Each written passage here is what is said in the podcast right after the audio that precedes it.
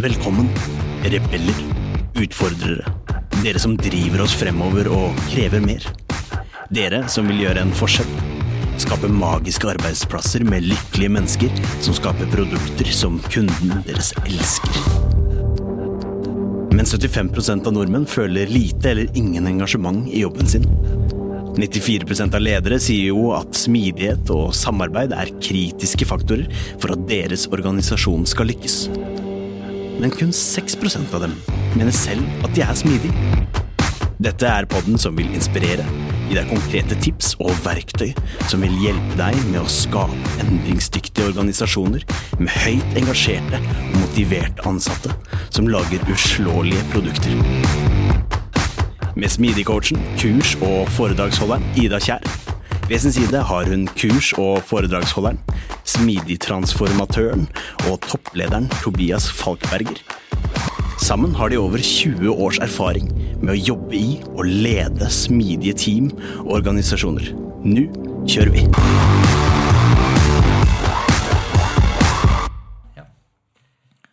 Hei, og velkommen til en ny episode av Smidigpodden.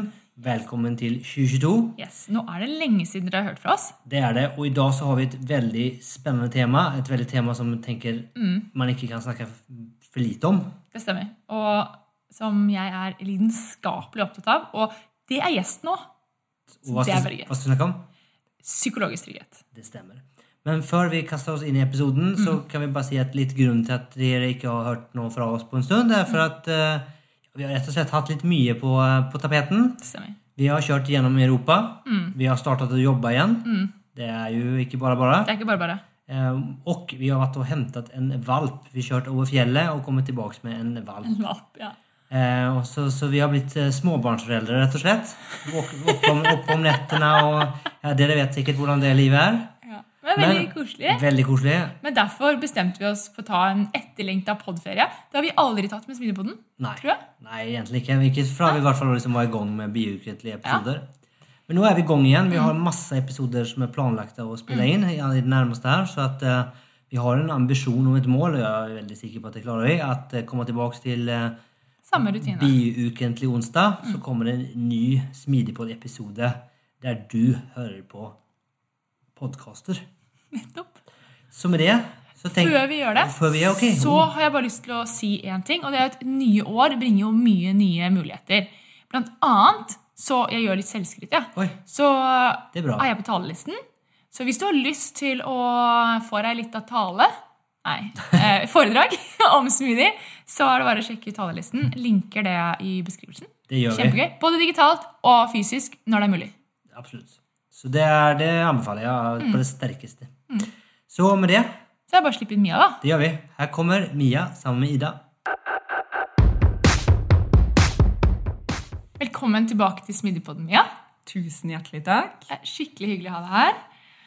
Og i dag, ja, før vi dykker inn i temaet, da, som er sinnssykt spennende, og som er noe både du og jeg brenner kraftig for, så kan du jo si noen ord om deg selv først. Ja, jeg heter Mia, og jeg jobber i dag som smidig coach i DNB sammen med deg, Ida. um, og jeg er ute og coacher eh, team, Uh, samt jobber med smidig på mer organisatorisk nivå.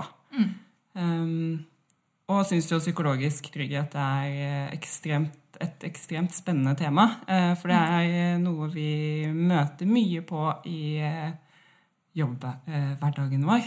Det Jeg syns det. det er så utrolig spennende. Kjempespennende. Før vi fortsetter, kan du sette mobilen din i flight mode? Eller har du gjort det? Det har jeg gjort. Supert! Ja, Ja. Nå må jeg dobbeltsjekke, vet Ja. du. det har jeg, vet du. Herlig. Så som dere har gjettet nå, så er temaet i dag psykologisk trygghet. Og det er jo noe vi jobber utrolig mye med i vår arbeidshverdag. Um, og noe som jeg tror veldig mange ellers også er nysgjerrig på. Så det er derfor jeg syns det var, interessant å ta deg med på denne episoden. For dette er noe du brenner for, og noe du kan veldig mye om. Og så tenkte vi jo litt at vi skulle um, gå gjennom det på en litt sånn smart måte som gir mening. Så snakker vi først litt om hvorfor psykologisk trygghet. Hva er psykologisk trygghet? Og så hvordan. Riktig. Så det vi prøver oss på. Ja. Så hvis du først kan forklare til lytterne hvorfor er det så viktig? Hvorfor snakker alle om psykologisk trygghet? For jeg føler at det er, liksom, det er overalt. Um, jeg har litt lyst til å begynne der hvor jeg pleier å starte, egentlig, når jeg snakker om psykologisk trygghet. Um, og det var Google. Mm. de har gjort en undersøkelse. Ja. Uh, for de ønsket å finne ut hva er det egentlig som skal til for å bygge høyt presterende team. Eh, og de hadde jo en hypotese da, om at det, aller, det som er aller viktigst, mm. det er å skape mangfold. Um, og de gjorde en undersøkelse eh, hvor de eh, Ja, de kalte det Prosjekt Aristotle. Ja. Uh, og den gikk over to år. Den inkluderte ekstremt mange ansatte. Um, og kort oppsummert da, så kom de fram til at psykologisk trygghet det er den aller mest avgjørende faktoren som man må ha på plass for da at et team skal være høyt presterende. ja. Det er ganske kult at Google har funnet det. Ja. Og så er det vel en del andre studier også som underbygger hvorfor eh, psykologisk trygghet er så viktig. Ja, det er jo det. Ja. Um, Det er et par forskere som har um, De har sammenstilt over 200 forskningsartikler for å finne ut av hva er det som, um, som gjør gode team. Og blant annet det de har funnet ut av, er at kollektiv intelligens det har ingenting å gjøre med individuell, intelligens. Så det at det er et høyt presterende team, det har ingenting å gjøre med individuell intelligens til medlemmene på teamet. Det det har noe å gjøre med, eh, det er det man kaller for social perceptiveness, som er en type social skills. Mm. og så er det gender diversity, sånn som Googles hypotese var. Og så den siste, det er det de kaller for i sine forskningsartikler equality in conversational turn-taking. Og det er jo det vi refererer til som psykologisk trygghet. Så ikke bare har Google funnet ut av det her, men det er også veldig mye forskning som viser at det er dette som er det viktigste hvis du skal skape høyt presterende team. Og det er derfor vi fokuserer så mye på det med våre team. Definitivt. Og vi ser det jo i hverdagen vår òg. Når vi er ute i team, eh, så er det jo gjerne det jeg i hvert fall ser først, er jo at her er det et eller annet som skurrer på et eller annet nivå. Og ofte så er det er psykologisk trygghet en stor del av, um, av det, da. Um, ja, så veldig, veldig spennende. Nå er det sikkert mange som tenker ok, men fint og flott. eh, Psykologisk trygghet er åpenbart veldig viktig. Google sier det, forskning sier det, eh, og alle på LinkedIn sier det. Men hva er det? Da tenker jeg at eh, jeg skal rett og slett sitere Amy Edmundsen, ja, som Hvem, okay, hvem er, hvem, ja. en ledende forsker på området, Ja. som har gjort masse studier på psykologisk trygghet. Um, så jeg tenkte jeg skulle prøve meg på en litt sånn norsk variant av hennes definisjon. Ja, Så kanskje man får det med seg. Um, og hun sier det at psykologisk trygghet det er troen på at man ikke vil bli straffet eller ydmyket for å dele sine ideer, spørsmål, bekymringer og eller feil. Ja. Det syns jeg er en veldig fin definisjon. Og så pleier vi å snakke om et ganske sånn bra eksempel på dette. Ja, for da Ja, det å sette det litt i kontekst, så tenker jeg jo at et eh, forhold som illustrerer denne psykologiske tryggheten på en god måte, og som forhåpentligvis mange kjenner seg igjen i, da, er denne relasjonen mellom foreldre og barn. Nettopp. Eh, For hjemme, der skal vi jo kunne være oss selv, og vi skal føle oss trygge. Der kan vi få raseriutbrudd uten å liksom bli støtt ut av familien. Um, så den følelsen, den der uh, følelsen av hjemme, Mm, ikke bli dømt. ikke bli dømt Du kan si hva du mener uten at noen skal, Skal straffe, straffe deg. deg. eller, ja. Eh, den relasjonen der, den hadde det vært fint om vi kunne ha på jobb òg. Ja, det hadde jo det. Ja. Jeg kom på en annen ting når vi snakket om Amy Edmundsen. Ja. Hun har jo en sinnssykt bra sånn, Det er en skikkelig bra liten videosnutt Mm. eh, som, eh, som vises Nei, som vises Sorry, nå ble jeg satt ut. Eh, vår lille nye valp kom tilbake, så jeg ble litt distrahert, for det var mye bråk utenfor. Uansett, Amy Edmundsen, hun, det er en video som ligger på YouTube Yes. hvor hun snakker om psykologisk ritt. Den kan vi jo linke til. Absolutt. For da er det jo litt hvordan de forsket på det i forbindelse med sykehus. Ja, absolutt. Den er veldig, veldig fin. Der ser hun jo på eh, hvordan eh, psykologisk trygghet har innvirkning på hvordan man faktisk tør å si ifra om feil, mm. og hvordan man basert på det kan eh, lære å bli enda bedre. Mm. Så det er et veldig fint eksempel på psykologisk trygghet og hvor viktig det er, og hvorfor det er så viktig. Ikke sant? Ok, Hvis vi går litt videre til hva vi måtte, vet om psykologisk trygghet da. Mm. Det er jo en sånn um, liten, Hva kaller man det på norsk? En, en grid på godt engelsk. Matrise, Matrise. Det er greit å ha med deg. altså. er vi der? Eh, som er liksom Hva vet vi om psykologisk trygghet? Som jeg elsker. Um, og Vi kan linke, vi legger den ut på smidigpodden.no på episodebeskrivelsen. Ja. Så ser dere litt hva vi snakker om. Jeg anbefaler å hente opp den samtidig som vi snakker om det. Jeg tror det blir lettere å visualisere seg det. Eh, For da snakker vi ofte om det at det er ikke nok eh, på en måte bare med, med psykologisk trygghet. Eh, Du må også oppleve motivasjon og liksom, accountability. Norsk, Hva har vi et norsk ord for det? Skal vi bare bruke accountability, kanskje? Ja. Liksom eierskap. Eierskap, eh, ansvar, ansvar. Det å bli utfordret. Ja. Og det har man de på hver sin akse, da. Mm. Og så sier det noe om hvor du er på denne aksen. og du er jo lavt innerst i hjørnet, og så er høyt på enden av aksene. da. Mm. Så har du psykologisk trygghet på aksen som går herregud, Vertikalt. så har du motivation accountability på den som går ho- horisontalt. Yes, Jeg styrer riktig. alltid med jeg må tenke horisont. Men, um, og da ser vi ofte det at um, veldig mange de har eh, kanskje motivasjon i jobben sin, og de har høy grad av accountability, altså ansvar. Eh, stort ansvar. ehm, men teamen i seg selv har kanskje lav psykologisk trygghet. Og det er typisk kanskje du ser kanskje i konsulentbransjen. ikke sant? Du har veldig mye ansvar. Det er jo ikke det at du, du føler deg kanskje ikke utrygg på jobben din, per se, men du har kanskje et lite team rundt deg. Du opplever ikke den støtten som man kanskje gjør i andre team. Og da opplever du fort stress. Mm. Det er kanskje også naturlig, fordi som konsulent så er man jo mye ut og inn av ulike oppdrag Ikke ofte. Ja. Så du, den psykologiske tryggheten du kanskje bygger opp, den Nettopp. forsvinner jo når du går ut av det teamet og skal inn i et nytt. Helt enig. ja. Og, du, og du har heller, i og med at du er leid inn, så kanskje også det er det at Nå blir det veldig mye antakelser her, da, men da opplever du kanskje heller ikke at du kan liksom, si ifra så veldig mye heller. For det er jo et kunde, et maktforhold, egentlig. Mm. Et feilbalansert egentlig maktforhold. Det er jo en helt annen historie, en helt annen pod, kanskje. ja. Men uansett, da. Hvis man har lav grad psykologisk trygghet og høy grad av eh, motivasjon og accountability, så havner det vi kaller for anxiety zone, som da er- opplever stress. Eh, og det er jo et utrolig forferdelig sted å være. Eh, men hvis du øker på en måte jobber med den psykologiske tryggheten, så er det veldig mange som tenker at ja, men hvis vi jobber med den psykologiske tryggheten, så kan vi bare senke måte, kravene vi stiller til folka våre. Så er det bra. Men da havner man jo i comfort zone, Ja. eh, hvor du kanskje blir demotivert. Eller ofte blir demotivert. Eller du havner i liksom apatisonen. Riktig. Um, men det vi vil, er jo å ha høy grad av motivasjon og accountability og høy grad av psykologisk trygghet, for da havner vi i læringssonen.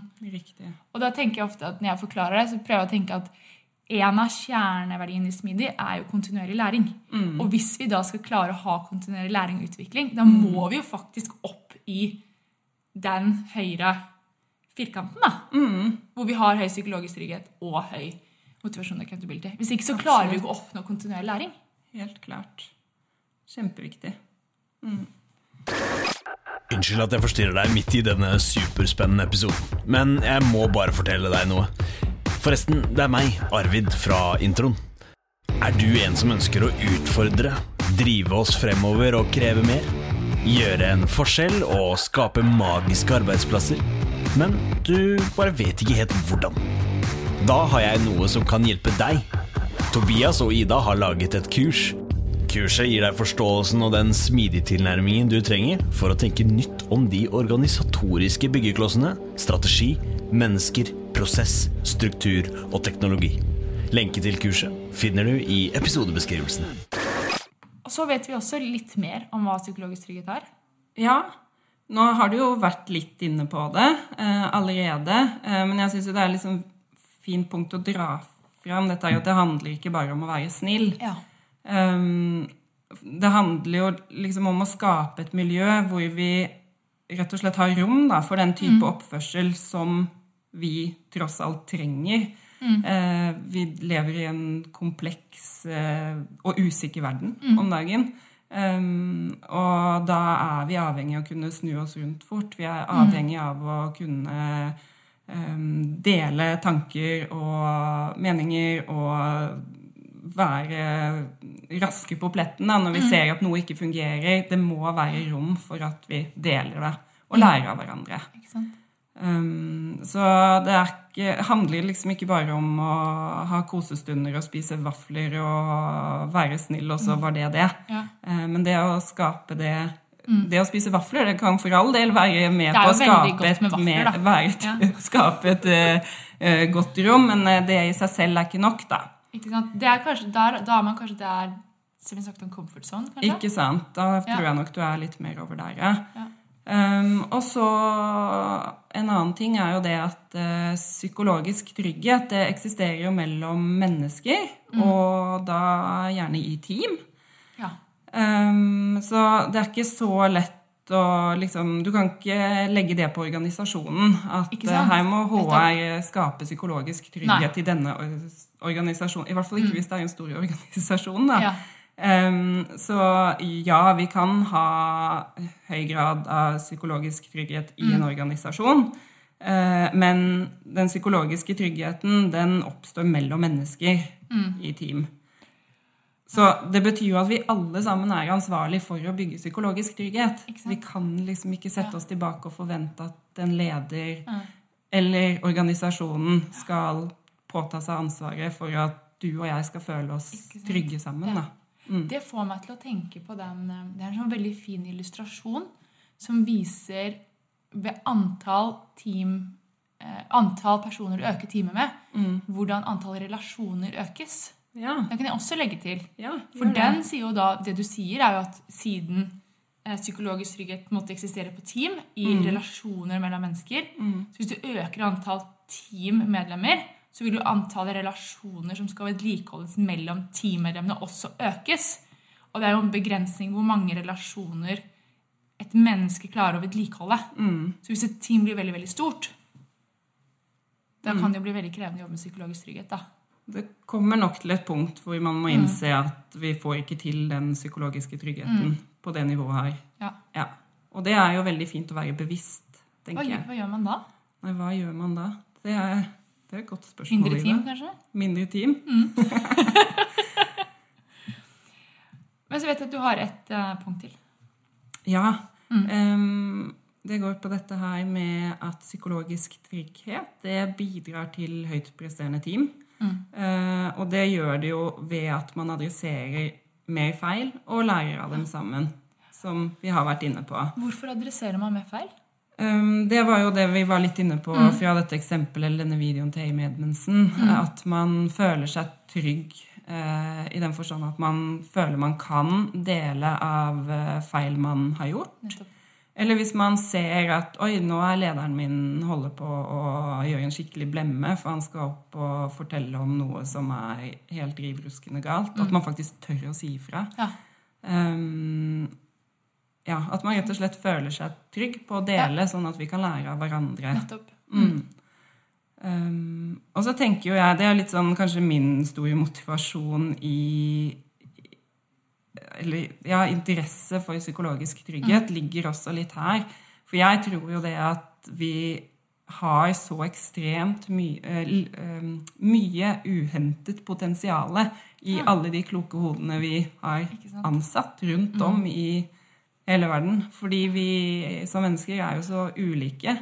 Um, vi har jo de som prater høyt og mye. Og de blir jo gjerne hørt. Men så har vi ganske mange som ikke er den type person. Og som er litt mer stille. Eh, og de kan ofte sitte inne med ekstremt mye god informasjon eh, og bra kompetanse. Så tenk om vi hadde klart å hente ut alt det og dele det med hverandre. Ja. Uh, Istedenfor å sette det litt på spissen og kun høre på de som prater høyest og mest. Ja.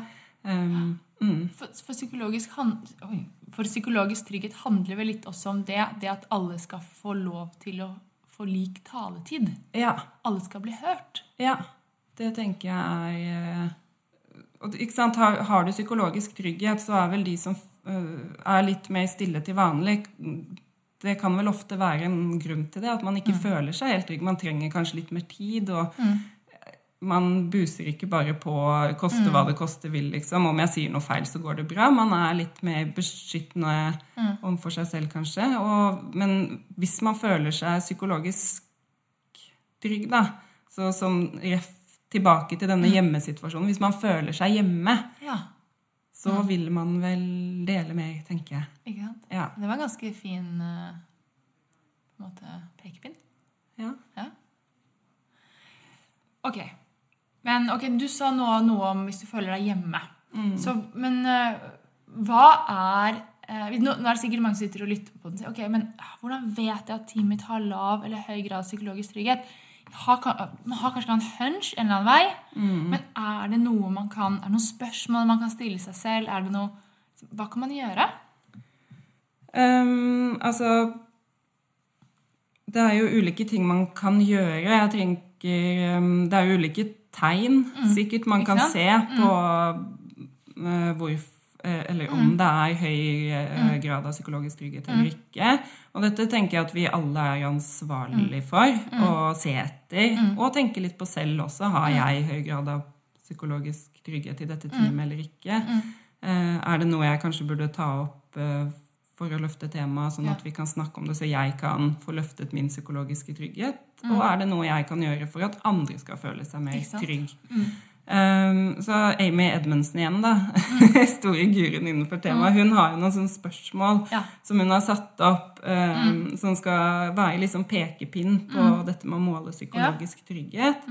Uh, og de syns jeg er ganske fine. Uh, og der sier hun annet kan jeg gjøre feil uten å bli straffet eller hengt ut?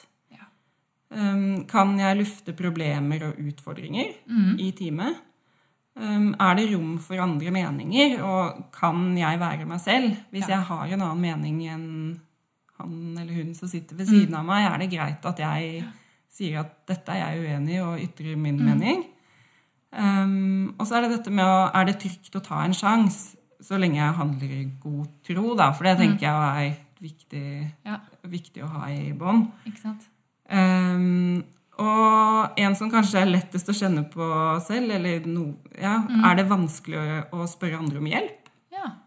Hvis det er vanskelig, så er det kanskje et tegn på at Ja. eh, man trenger å jobbe litt eh, med relasjonene. Uh, og et annet et er det noen i teamet som er ute etter å ødelegge for meg, eller noen som ikke vil meg vel. Ja. Um, den er jo litt vond, da, syns jeg. vond, jeg håper ja. jo ikke det er så mange som eh, treffer på det, men det er nok flere enn vi skulle ønske. Mm. Um, og hvis man ikke er psykologisk trygg, så er det jo vanskelig, da. For er det trygt å ta det opp? Det er noe med det. Ja. Mm. Eh, og så jeg blir verdsatt, og teamet vet hvilke kompetanse jeg kan bringe til bordet. Den tenker jeg også er veldig fin. Ja. det å føle at det jeg bidrar med, det er, setter teamet pris på. Ja. Um, og de vet at jeg sitter med en kompetanse som er verdt noe. Ja. Og de spør om jeg kan bidra. Og, mm. Så Det syns jeg er veldig fine sånn parametere, da. Det er jo det. Mm, Og det kan man jo um, Vi har jo lekt litt med tanken også om om man kan bruke dette til en form for måling. Mm. Um, Ja, jeg tror definitivt. Eh, Så har vi jo også diskutert litt hvor ærlig tør man å svare på disse Nettopp. spørsmålene hvis man ikke er psykologisk trygg, som jo er veldig vanskelig innenfor Veldig. tema psykologisk trygghet generelt. Mm. For hvis man ikke er psykologisk trygg, så er det kanskje, selv om det måtte være anonymt òg, så kan det være litt skummelt å liksom trykke én på om det er trygt å snakke. spesielt hvis det er et lite team. Spesielt da. Da blir det veldig synlig hvis det er en som ikke føler seg trygg. Ja. Så det viktigste er kanskje det at hvis man velger å gjøre noe sånn her form for undersøkelse Mm. eh, Nummer én selvfølgelig ha det anonymt. Mm. Nummer to, kanskje sette konteksten rundt det. Være veldig tydelig på hvordan det skal brukes. Absolutt. Um, og prøve å, å liksom bygge, bygge, bygge, trygge rammer rundt det, i hvert fall. da. Mm.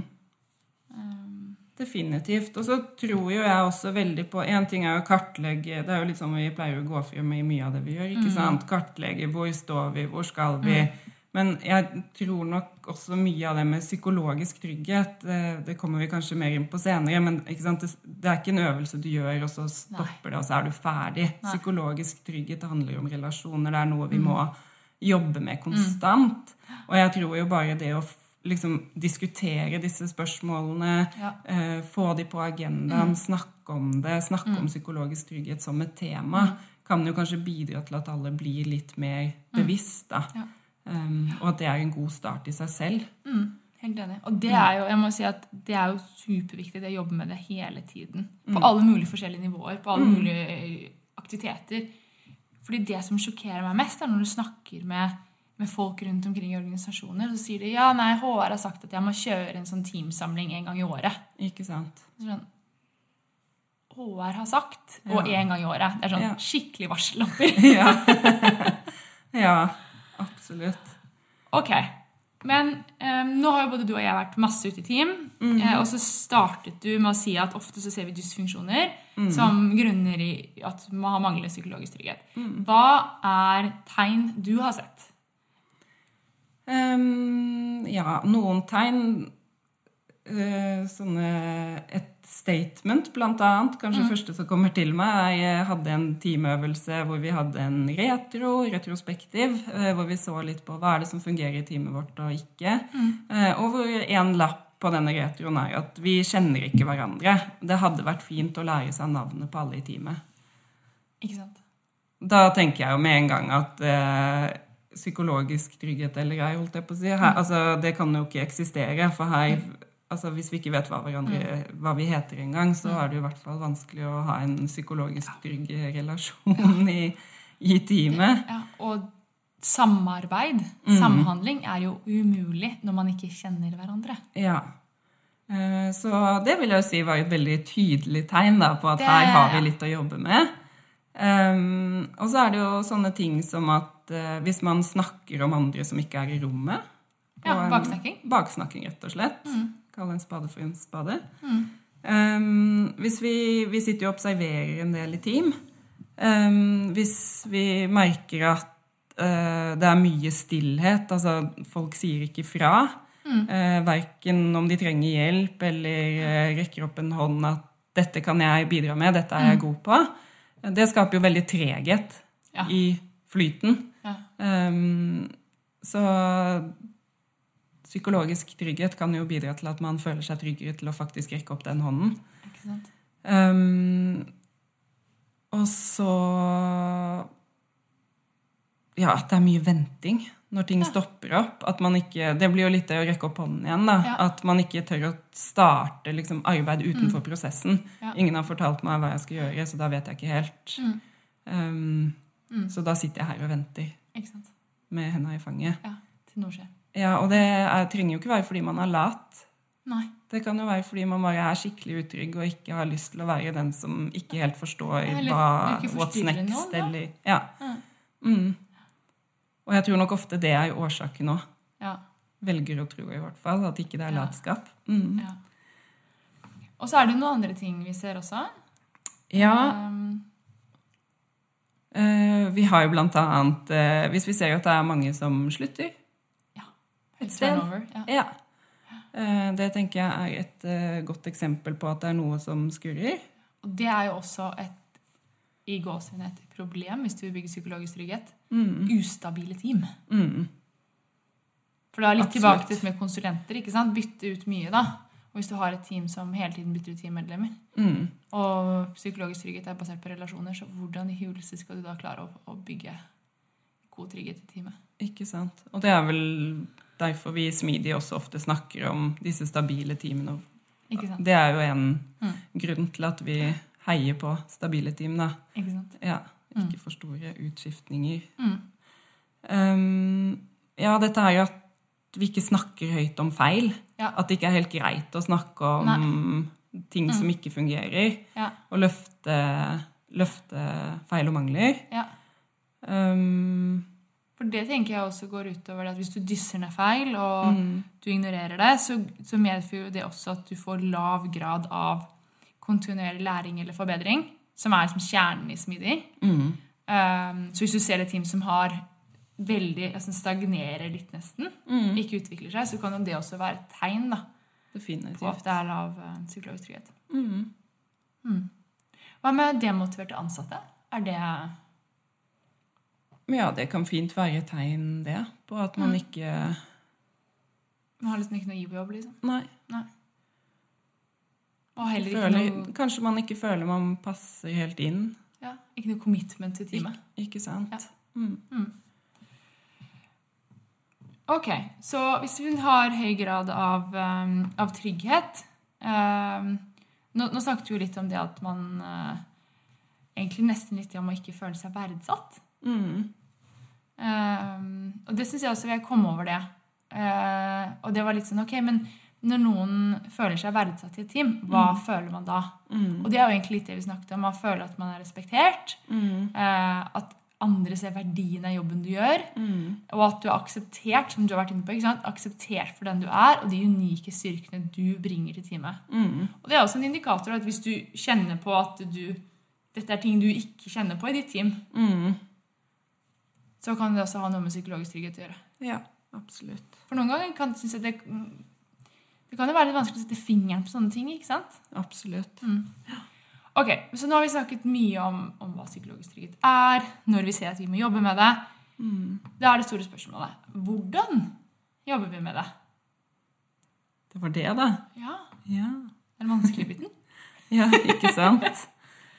Ehm, da har jeg litt lyst til å gjenta det som jeg sa i sted også. Ja. Dette med at det er så viktig at vi alle jobber med det. Ja. At det er ikke bare én person, eh, leder eller en annen, som kan ta på seg det ansvaret. Eh, så det handler jo om å være litt selvbevisst. da. Eh, Hvordan er det jeg opptrer? Ja. Um, og så tenker jeg at eh, dette her med å være åpen om hvilke utfordringer som man står overfor um, Være tydelig på det. Um, Kanskje ofte en leder som står med de utfordringene. Um, men det å være tydelig på de utfordringene og si klart ifra at vi trenger alle med for å løse dette. Alle som føler de har noe å bidra med. eh, Vær så snill å bidra. Ja. Og være åpen om det. Kanskje kan jeg, kan jeg utfordre den litt? Mm. Fordi det handler kanskje ikke om du føler eller om du tror du har noe å bidra med. Er du en del av teamet, så har du noe å bidra med. Mm. For du er jo ansatt av en grunn. Ja, absolutt. Jeg bare tenker at Ja. uh, Jeg er helt enig med deg. Jeg bare tenker at Vi må ikke tenke at uh, alle i teamet skal løse Nei, det- alle oppgaver, men det tror jeg vi er enige poeng. om. Ja, det er vi er helt enige om det. Det er et veldig, veldig godt poeng. Ja, Viktig spesifisering. ja. Em, uh, og så er det dette med å unngå å skylde på personer. At Ja. uh, jeg tenker Det er så lett da i en travel hverdag å bare ah, 'Nå gjorde han eller hun sånn, Mm. og det førte til at sånn og sånn'. Men hvis vi heller forsøker å tenke at eh, alle agerer i beste mening, Ja. og fokuserer på at ok, vi har et problem, hvordan kan vi løse det? Ja. Det tenker jeg er en fin tilnærming. Mm. Eh, å være litt eh, bevisst da, på Mm. at eh, hvis man sier, nevner at navn i en sånn setting, at man eh, Hvis man er litt mer bevisst, at man kanskje klarer å unngå det. Mm. Jeg trekker det litt tilbake. Eh, og at man kanskje da også klarer å grave litt mer i hva er egentlig problemet. Ja. Ja. Så fokusere på problem. Ja. Eh, og så en ting som kan være ganske vanskelig, og som kanskje er en egen pod i seg selv, dette her med aktiv lytting. Det er spennende. Ja, det er veldig spennende. eh, men ikke sant, det å Det er utrolig viktig at folk skal føle at de har en verdi, som vi har snakket om, og at alle føler at de har noe å bidra med. Så jeg tenker at det er så utrolig viktig at når vi har møter og vi er i samtaler, at alle er til stede. At vi faktisk legger bort telefoner og PC-er. Ja. Eh, jeg tenker, eh, Det er så mye møter vi sitter hvor alle sitter med hodet nede i PC-en. Det kan godt være de lytter, men det, det, du utstråler ikke at eh, Nei. det du forteller meg nå, er veldig spennende. Jeg lytter, jeg hører hva du har å si. Dette gir meg stor verdi. Mm. så jeg syns det kan være en ganske sånn banal, men enkel mm. regel å forsøke å leve etter. Um, det der å vise at du forstår, ved å gjenta det som blir sagt, det kan være en uh, fin ting. Eh, gi en bekreftelse på at uh, jeg forstår. Um, og faktisk få folk til å dele med ved å stille spørsmål. Kan være en fin ting. Eh, jeg har jo blant annet, for å være litt personlig, sagt til min leder at det hadde vært fint om du utfordret meg litt mer i diskusjoner vi har i teamet. For jeg kjenner at jeg kan bli litt bakpå. Jeg syns Ja. det kan være litt utrygt noen ganger. Eh, men så føler jeg samtidig at når jeg først sier noe, så føler jeg at det blir tatt godt imot. Ja. Så jeg trenger bare litt den ekstra pushen. Den lille nudgen. Ja, så det har han begynt å gjøre med meg, og det har vært utrolig godt da, for å bygge opp litt mer Ja. selvfølelse og trygghet. Fordi Ja. jo mer jeg da deler, jo tryggere føler jeg meg. Ikke sant? Ja. Så der føler jeg at jeg tok et ansvar på å gjøre meg selv tryggere, Ja. men også at leder hjalp meg til det. da. Her er jo et godt eksempel. Mm. Du tar ansvar for deg selv, og han tilrettelegger for at du skal bli bedre. Ikke sant?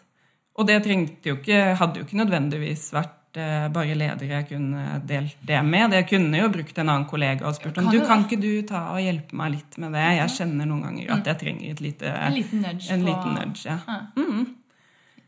Um, og så tenker jeg dette her eh, At vi må være bevisst på at vi trenger et eh, Vi må alle være med på å skape et trygt miljø, da, hvor det er rom for at vi alle får uttrykt oss på vår måte.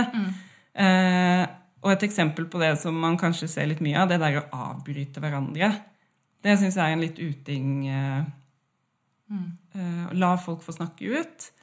Um, og vise at her er alle ideer velkomne. Ikke sant? Mm. Når vi avbryter, så føler man ikke at uh, det er så spennende å fortsette etterpå. Føler seg ikke så viktig da. Nei, ikke akkurat. Uh, og så gjør vi jo alle feil, da. Så jeg tenker det å innrømme Bortsett fra deg, da, Ida. så det å innrømme sine egne feil og snakke om dem og lære av dem Og det er jo sånn Ja, alle vet det. Men det å være bevisst det på det, det. og faktisk gjøre det, ja, det tenker jeg er fint. Ja. Eh, og tenke litt på at man faktisk skal være åpen for meninger som er annerledes enn dine egne. Ja. Vi ser jo verden så ekstremt ulikt. Eh, så selv om du måtte mene noe annet enn meg, eh, så eh, trenger ikke det å være feil. Um, etter at jeg ble bevisst på det her, så har, føler jeg at jeg har lært så utrolig mye. Fordi ja. Istedenfor å sitte og tenke at hvordan skal jeg motargumentere dette, hvordan skal jeg bevise at denne personen tar feil, så har jeg begynt å tenke hvor kommer dette fra? Mm, Hvilken lære? vinkel er det disse ser i verden, liksom? Og denne problemstillingen. Og så ser du plutselig problemet på en helt annen måte. Ofte. Ja. Eh, ikke alltid, men ofte. Men ofte. Så det er kjempespennende å bli bevisst på akkurat det der. Eh, og så tenker jeg i et team at det kan være utrolig fint å øve på å gi og motta feedback. Tilbakemeldinger. For det er ikke enkelt. Nei. Det kan være ganske sårt å få høre at noe du gjør, eller noe du har prestert, ikke var helt som det burde vært, eller Så det å øve seg på å både motta det, men også det å gi det. Vi nordmenn er kanskje ikke kjent for å være de beste på å fortelle andre hvor flinke de er på noe. Um, og er du litt usikker, så tenker jeg kjør på. Gi heller en positiv tilbakemelding for mye enn for lite. Jeg husker et, um, et, et Jeg har vært veldig dårlig på å ta spesielt positiv tilbakemelding. Um, altså litt, litt sånn flink, pinke, flink pike-syndrom. Du får en positiv tilbakemelding, så snakker du deg nesten ned og bort. Ja. Så det jeg fikk tilbakemelding på for mange år siden, det var at jeg bare skulle si takk. ja. Så um, det er det jeg sier. Og jeg ser jo at veldig mange blir satt ut. Jeg blir bare sånn takk. Ja. Jeg sier ikke noe tilbake, jeg bortforklarer ingenting. Og så har jeg kanskje noe jeg lyst til å si tilbake, men da prøver jeg kanskje å si det i en annen kontekst. da. Jeg klarer det ikke alltid. da. Prøver å si det et annet sted, da, i en annen situasjon. Um, bare liksom, ta til meg bare takk. Og Men det syns jeg er kjempefint. Utrolig rart i starten. Ja. Nei, jeg syns det er kjempefint. Men du, en ting jeg bet meg litt fast i. Ja. Og det er det at flere ganger nå så har du nevnt at eh, det å, å jobbe med psykologisk trygghet, det å bygge psykologisk trygghet i team, det er et kollektivt ansvar for teamet. Men hva tenker du om at altså Leder har jo også en unik rolle i det å tilrettelegge og har jo et ansvar i å liksom, sette i gang og drive den prosessen. Ja, Så du tenker på leders rolle I oppi dette, dette? ja. ja. Jeg tenker jo at leder har jo en litt sånn unik eh, Altså, de har jo um, en rolle hvor man gjerne setter agendaen i et team. Ikke sant? I hvert fall til en viss grad. Mm. Så det å En leder tenker jeg at er utrolig viktig at de faktisk setter temaet på agendaen, først og fremst. Nettopp, ja. Som vi var innom i sted. Det å bare snakke om psykologisk trygghet. Hva betyr det for oss? Hva er det for noe? Vet, det å bevisstgjøre teamet på temaet. Um, og så være med på å tilrettelegge for at man faktisk kan jobbe med psykologisk trygghet i teamet. Ja, for, tenker jeg også er veldig viktig, da. helt enig. For du kan jo ikke tvinge noen Nei. til å um, åpne seg, men som du sier, det handler om å liksom lage riktig klima, mindset og tilrettelegge for den atferden du ønsker deg fra teamet. da. Ikke sant? Kanskje motivere ansatte til å ta en kaffeprat og eh, si at det er helt greit å ta seg en tur og prate sammen og faktisk prate om noe annet enn jobb innimellom også. Uh, gi litt nudge, nudging, da. Nudging, da. Mhm. Så det bringer oss til noe veldig spennende. Mhm. Og det er jo Men hva gjør man, da? Hva, har vi liksom noe, noen ting vi kan gjøre? Noen konkrete ting? Ehm, først og fremst så tenker jeg inkludering er ekstremt viktig. Um, og da mener jeg ikke at alle skal delta i alle møter til enhver tid.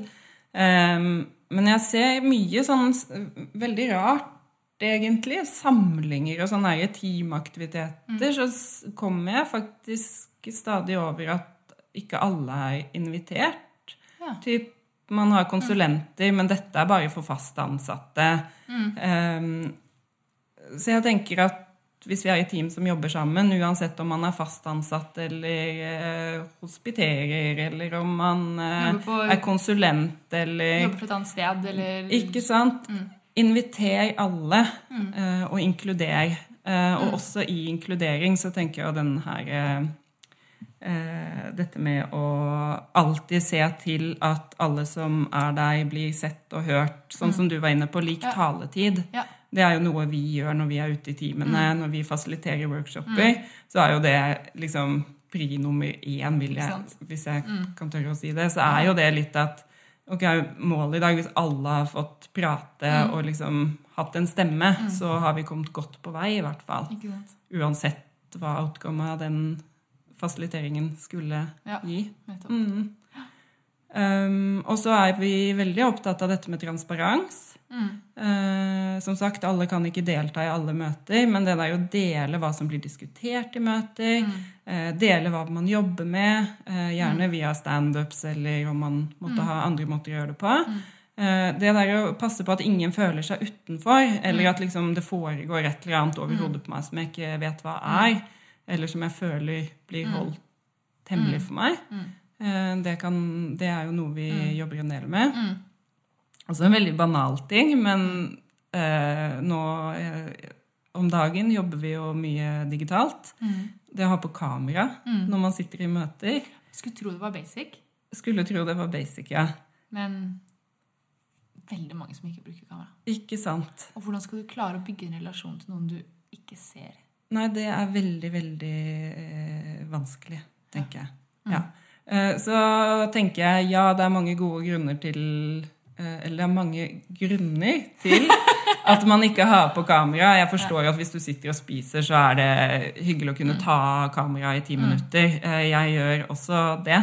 Um, men jeg syns det er fint å ha en hovedregel at det kameraet, det har vi på. Ja, jeg hadde jo et team Som jeg, hvor det her var et av de liksom, første tingene vi bare måtte begynne å jobbe med. Eh, og da var det svaret vi, jeg, vi spurte lederne Jeg var litt sånn satte litt følere, da. Hvorfor har du ikke på kamera? Og da var det veldig mange som var sånn Nei, jeg føler meg ikke så fresh i dag, og jeg har ikke sminket meg, jeg har ikke på meg pentøy og sånn. Og da tenkte jeg sånn, ok, det her skal jeg gjøre en case ut av. Så jeg liksom dukket opp til teammøter liksom nydusja. Andre ganger uten sminke, noen ganger i liksom joggegenser, liksom. Ja. Eh, og bare litt for å Og så er det kanskje mange som lytter nå og syns det høres teit ut. Men det handler om noe å liksom vise at det er ok. Eh, for hvis noen er så redd for det, hvis det er det som er blokkeren eh, Og så var det kanskje andre ting som lå til grunn òg, men det medførte faktisk at folk skrudde på kamera. For de så at jeg trenger ikke å være den perfekte versjonen av meg selv hver dag. Ja. Det er greit å ha det kjipt på hjemmekontor. Det er greit å synes at liksom, det er dritt å jobbe hjemmefra hele tiden. Og det å åpne opp for det, da, det gjorde faktisk at folk skrudde på kamera. Ja, Selv om de hadde på seg joggebuksa. Liksom. Og der er du faktisk inne på et siste punkt som jeg glemte å nevne i sted, av noe som jeg tenker er veldig viktig når vi bygger psykologisk Mm. trygghet. Og det var det du gjorde der. Du gikk foran som et godt eksempel og gjorde eh, det du mener er riktig. Mm. Ikke sant? Du sier ikke, forteller ikke folk bare at de skal ha på kamera, men du Mm. Prøver. Mm. å leve ut. Ja. Eh, og det gjelder jo alle de, disse punktene vi gikk Mm. gjennom i sted, i forhold til hva man kan gjøre for å bygge psykologisk trygghet. En ting er å si at det er lurt å gjøre, men Mm. å være bevisst seg selv og faktisk gjøre det. Det tror jeg motiverer mye mer til at andre også adopterer den oppførselen. Da. Helt enig. Mm. Ok. Liten digresjon. Yes. Tilbake til hva vi kan gjøre. Ja, og så har vi jo en del øvelser og workshops Det og metoder i denne verktøykassen vår. Noen vi liker bedre enn andre. Um, jeg vet ikke helt hvilke vi Jeg har jo en som jeg er veldig glad i, som jeg bruker en del. Og det er noe så enkelt som en sånn her eh, plansje som jeg kaller 'This is me'. Eller vi kaller 'This is me'. Hvor man eh, rett og slett har noen temaer. Eh, Jeg bruker ofte powerpoint på det. Det er én slide hvor det er en liten mal på liksom Hvem er du? Deg selv. Og da er jeg oppfordret til å legge inn litt bilder og dele litt om hva er mine hobbyer. Sånn her ser det ut der hvor jeg bor. Um, hva ville du gjort eh, hvis du kunne endret eh, Gjort én ting for å endre verden? Eh, litt sånn banale ting, men som gjør at man deler litt ting som man ikke gjør i en ellers eh, sånn arbeidshverdag. Og det som er gøy med den, er at den kan du også tilpasse teamet. Og måte hvor teamet er. Mm. Um, du kan gjøre det veldig enkelt. Yes. Eller ganske dypt. Ja, og det var litt morsomt når vi, vi kjører jo denne i ny og ne i vårt team, Agil-teamet i eh, seksjon, ja, seksjonen vår. Og der var det en eh, Vi fikk et par nyansatte, og så, eh, så vi andre hadde jo gjort den en del ganger før. Og da var det en av de i teamet vårt som uttalte etterpå at fy søren, så gøy det er å gjøre This Is Me på tredje gangen, for begynner, nå begynner vi jo virkelig å måtte liksom grave frem ting vi ikke hadde delt ellers. Ja, for du har ikke lov til å si det samme to ganger. Nei, nei, nei, du må komme med noe nytt. Sånn at det var liksom, Nå måtte inn og grave, og det var jo ganske mye spennende som kommer opp også, da. Som du bare Det er veldig gøy. Ja. Det er ikke bare det der overfladiske som du alltid svarer, da. Ja. Og da er det jo viktig med en sånn This is me å faktisk sette av tid til å gå gjennom alle. Alle skal få lik tid, men også til å stille spørsmål. Definitivt. Og da selvfølgelig eh, gode, snille spørsmål. Ja. bare snille Bare spørsmål. snille spørsmål. Men så har vi også en annen som er litt det samme som This Is Me, som, men som er kanskje litt mer utvidet. Som vi kaller for User Manual for Me. Som krever kanskje enda hakket mer enn This Is Me, men også en veldig veldig fin øvelse. Eh, egner seg kanskje ikke så for store team, fordi at det tar så lang tid å gå gjennom den. Og den går jo enda mer i dybden, men ganske med en gang. Så da kan man jo også evaluere hva man syns er best. Mm. Vi har også masse andre øvelser, Mia. Vi har det. Mm. Um, vi har jo noe som heter Team Canvas. Den finner du på nett. Um, en enkel versjon og en eh, lengre versjon. ja. Eller en større versjon, er mer riktig å si. Og den tar jo for seg både deling sånn på personlig plan, men kanskje også litt med teamet. At man kan få prate litt mer om hvem er vi som team. Hva er vår uh, purpose? Hvilke mål har vi som team? Hvilke mål har vi personlig? Uh, og så er det en, eh, et uh, punkt som går på å sette regler for teamet. Litt sånn spilleregler Ja. eller leveregler. Eller leveregler er litt hyggeligere enn spilleregler, syns Ja. jeg. Ja. Eh, Så den er veldig fin. Den tar litt lengre tid hvis du skal kjøre fullversjon. Og man kan ikke være veldig mange mennesker. Eh, Men eh, jeg har kjørt fullversjon med hell på opptil tolv personer. Men det ble en hel dag. Ja, ikke sant? Og det er viktig, da. Fordi Mm. er det noen råd vi skal gi med Team Canvas, sett av nok tid. Mm. Jeg tenker i hvert fall tre timer. Ja, og det kommer sånn an på hvor mange mennesker man Ja. er. Og så tenker jeg istedenfor å rushe gjennom Mm. alle eh, temaene, så tror jeg at hvis du ser at jeg har bomma helt på tiden, Ja. så si at da fikk vi tid til disse temaene, Ja. og så tar vi Resten en Ja. annen gang. Ja, Og så er det jo helt lov til også, når du ser Team Canvasen, å kutte ut noen av temaene. Definitivt. Det gjør jo vi en del. Det gjør vi hele tiden. Kommer litt an på hva teamene ønsker, hva de har behov for. Hvis, Og hva vi tror de har behov for. Ja, definitivt. En annen tips da, til Team Canvasen, det er dette du sa med mål. Kanskje, jeg tror det er viktig når du, hvis du skal kjøre en Team Canvas, ikke tenk at du skal sette opp OKRs i denne sesjonen her. Nei. Når vi snakker mål, så snakker vi liksom overordnet visjon for teamet. Type liksom Nordstjerne. Hva er det du ønsker å oppnå? Ja. Eh, Hva er purposen til teamet? Ja. Det er jo litt det man skal enes om her. ja. Ikke KPIs eller OKRs. Nei, du får ikke gått i dybden på, på det. Og det, skal du sette ordentlig gode mål eller OKRs, så trenger du mer tid. Ja, Og ikke minst hjernekapasitet, for du blir veldig sliten. Definitivt. Definitivt. Yes. Og så har vi en annen ting Mia, som, eh, som jeg syns er veldig fint, som du eh, nevnte senest i går Ja. for et team. Og det er, Du kalte det for en code of conduct. Man kan også kjenne det til som en team charter. Mm. For eksempel. Sikkert mange andre navn også. ja, og den går jo egentlig litt på dette med spilleregler. Eh, Leveregler. Leveregler. Er det Unnskyld. Yes, det var det vi var enige om at var veldig mye hyggeligere.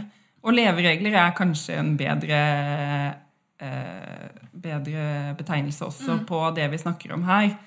Eh, for det er jo å gå sammen som Mm. team og liksom sette opp noen regler for hva som er viktig for oss, og for Mm. å få til den gode teamdynamikken og samhandlingen Mm. um, i teamet. Jeg så også, um, som jeg syns var veldig um, spennende eh, Spotify jeg så For lenge siden, for flere år siden, så så jeg en sånn canvas som de hadde satt opp. Ja. eh, Som var sånn Hva er psykologisk trygghet i dette teamet? Hva Ja, betyr psykologisk trygghet for dette teamet? Og da hadde de definert opp handlingsmønstre. Ja. Um, fordi det er så mye lettere òg, ikke sant? Samme leveregler. Se handlingsmønstre. For Mm. da er det veldig lett å se et, Jobber vi med dette? Gjør vi dette? Mm. Er det disse handlingene vi har? Mm. Um, som jeg syns var veldig fin. ja, men det hørtes veldig fint ut. Og så er det en annen ting som vi, du, vi kjører mye, Mia, med teamene våre, Ja, eh, som du advokerer veldig for. Retroer. det er hyggelig. Eh, ja, altså retrospektivs er jeg først og fremst veldig fan av, fordi jeg der, der skaper man et safe space for å ta opp eh, vanskelige ting, tenker jeg. Eh, eller ting man måtte ha på hjertet, som kanskje egentlig ikke er så store ting, men som man ofte kan føle at å, det er litt vondt å skulle gå til en person og fortelle at dette er et problem. For egentlig er det ikke så stort problem. Men jeg føler vi må lufte det, og så blir det så alvorlig hvis jeg sender en melding eller mail, eller hvis vi skal ta det opp én til én på et stillerom. Eh, Så jeg syns det er så godt å ha retrospektivs jevnlig. eh, Som er et sånn havn hvor her er det meningen at vi skal dele ting som ikke fungerer optimalt. Ja.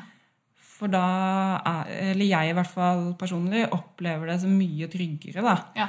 Um, Men det er kanskje viktig å spesifisere at uh, i en retrospektiv så skal du aldri uh, på en måte gå på person. mm, absolutt. Som vi var inne på i sted, Nettopp. at vi skal fokusere på problemene og ikke på, uh, på personer. Mm. Nettopp. Det er veldig fint å fokusere litt på det som er bra òg. Som vi skal fortsette med.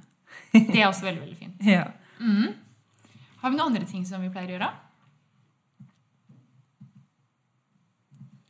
Vi, eh, Sikkert masse. Ja, sikkert masse. Vi er jo også veldig opptatt av det at man skal eh, bygge videre på, på gode ideer. Mm. At man skal eh, istedenfor å mm, snakke noe ned, så skal man se ikke sant? Dette med å akseptere andres uh, synspunkter og meninger. Si ok, det var en kjempegod idé. Men hva om? Mm. Videreutvikle ideen. Mm.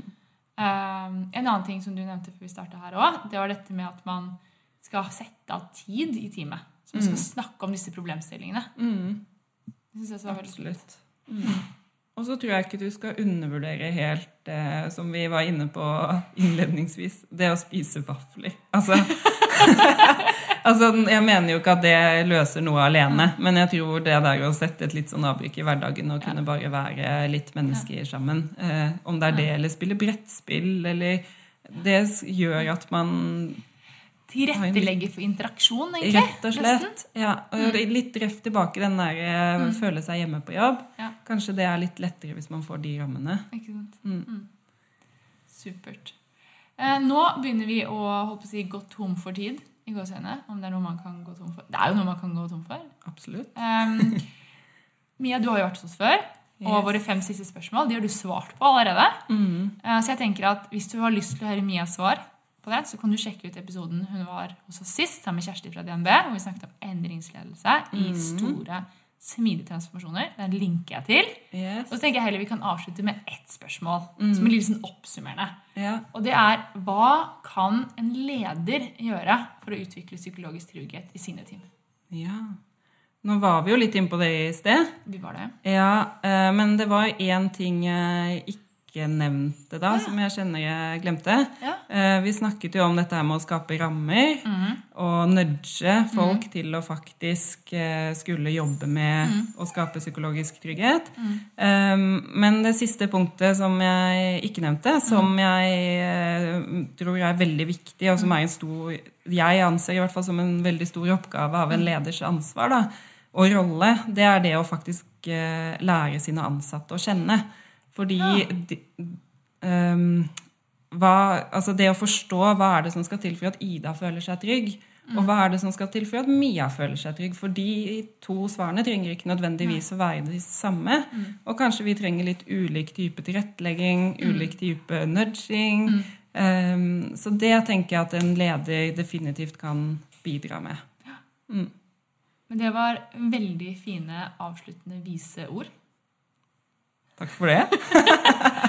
Så med det, så tusen takk for at du ville komme på Smidepodden enda en gang, Mia. Og tusen hjertelig takk for at jeg fikk komme.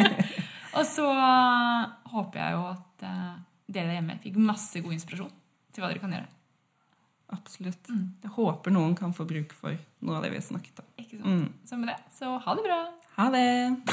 Tusen takk for at du lyttet på denne episoden av Smidepodden. Dersom du likte det du hørte, så abonner på Smidepodden, da vel. Da får du masse mer av denne type innhold i fremtiden. Dersom du har lyst til å støtte Smidepodden fremover, så gå gjerne inn på linken under og eh, ta kurset vårt. Du kan også så klart bruke noen av linkene under til bøkene som gjestene våre anbefaler. Det er affiliate links, og det betyr at Smidepodden får ei lita krone når du kjøper en bok, men du betaler så klart ikke en krone mer når du handler. Så med det så ønsker jeg deg en fortsatt fantastisk dag eller kveld, hvor enn det er du befinner deg i denne store, vide, vakre verden. Ha det bra!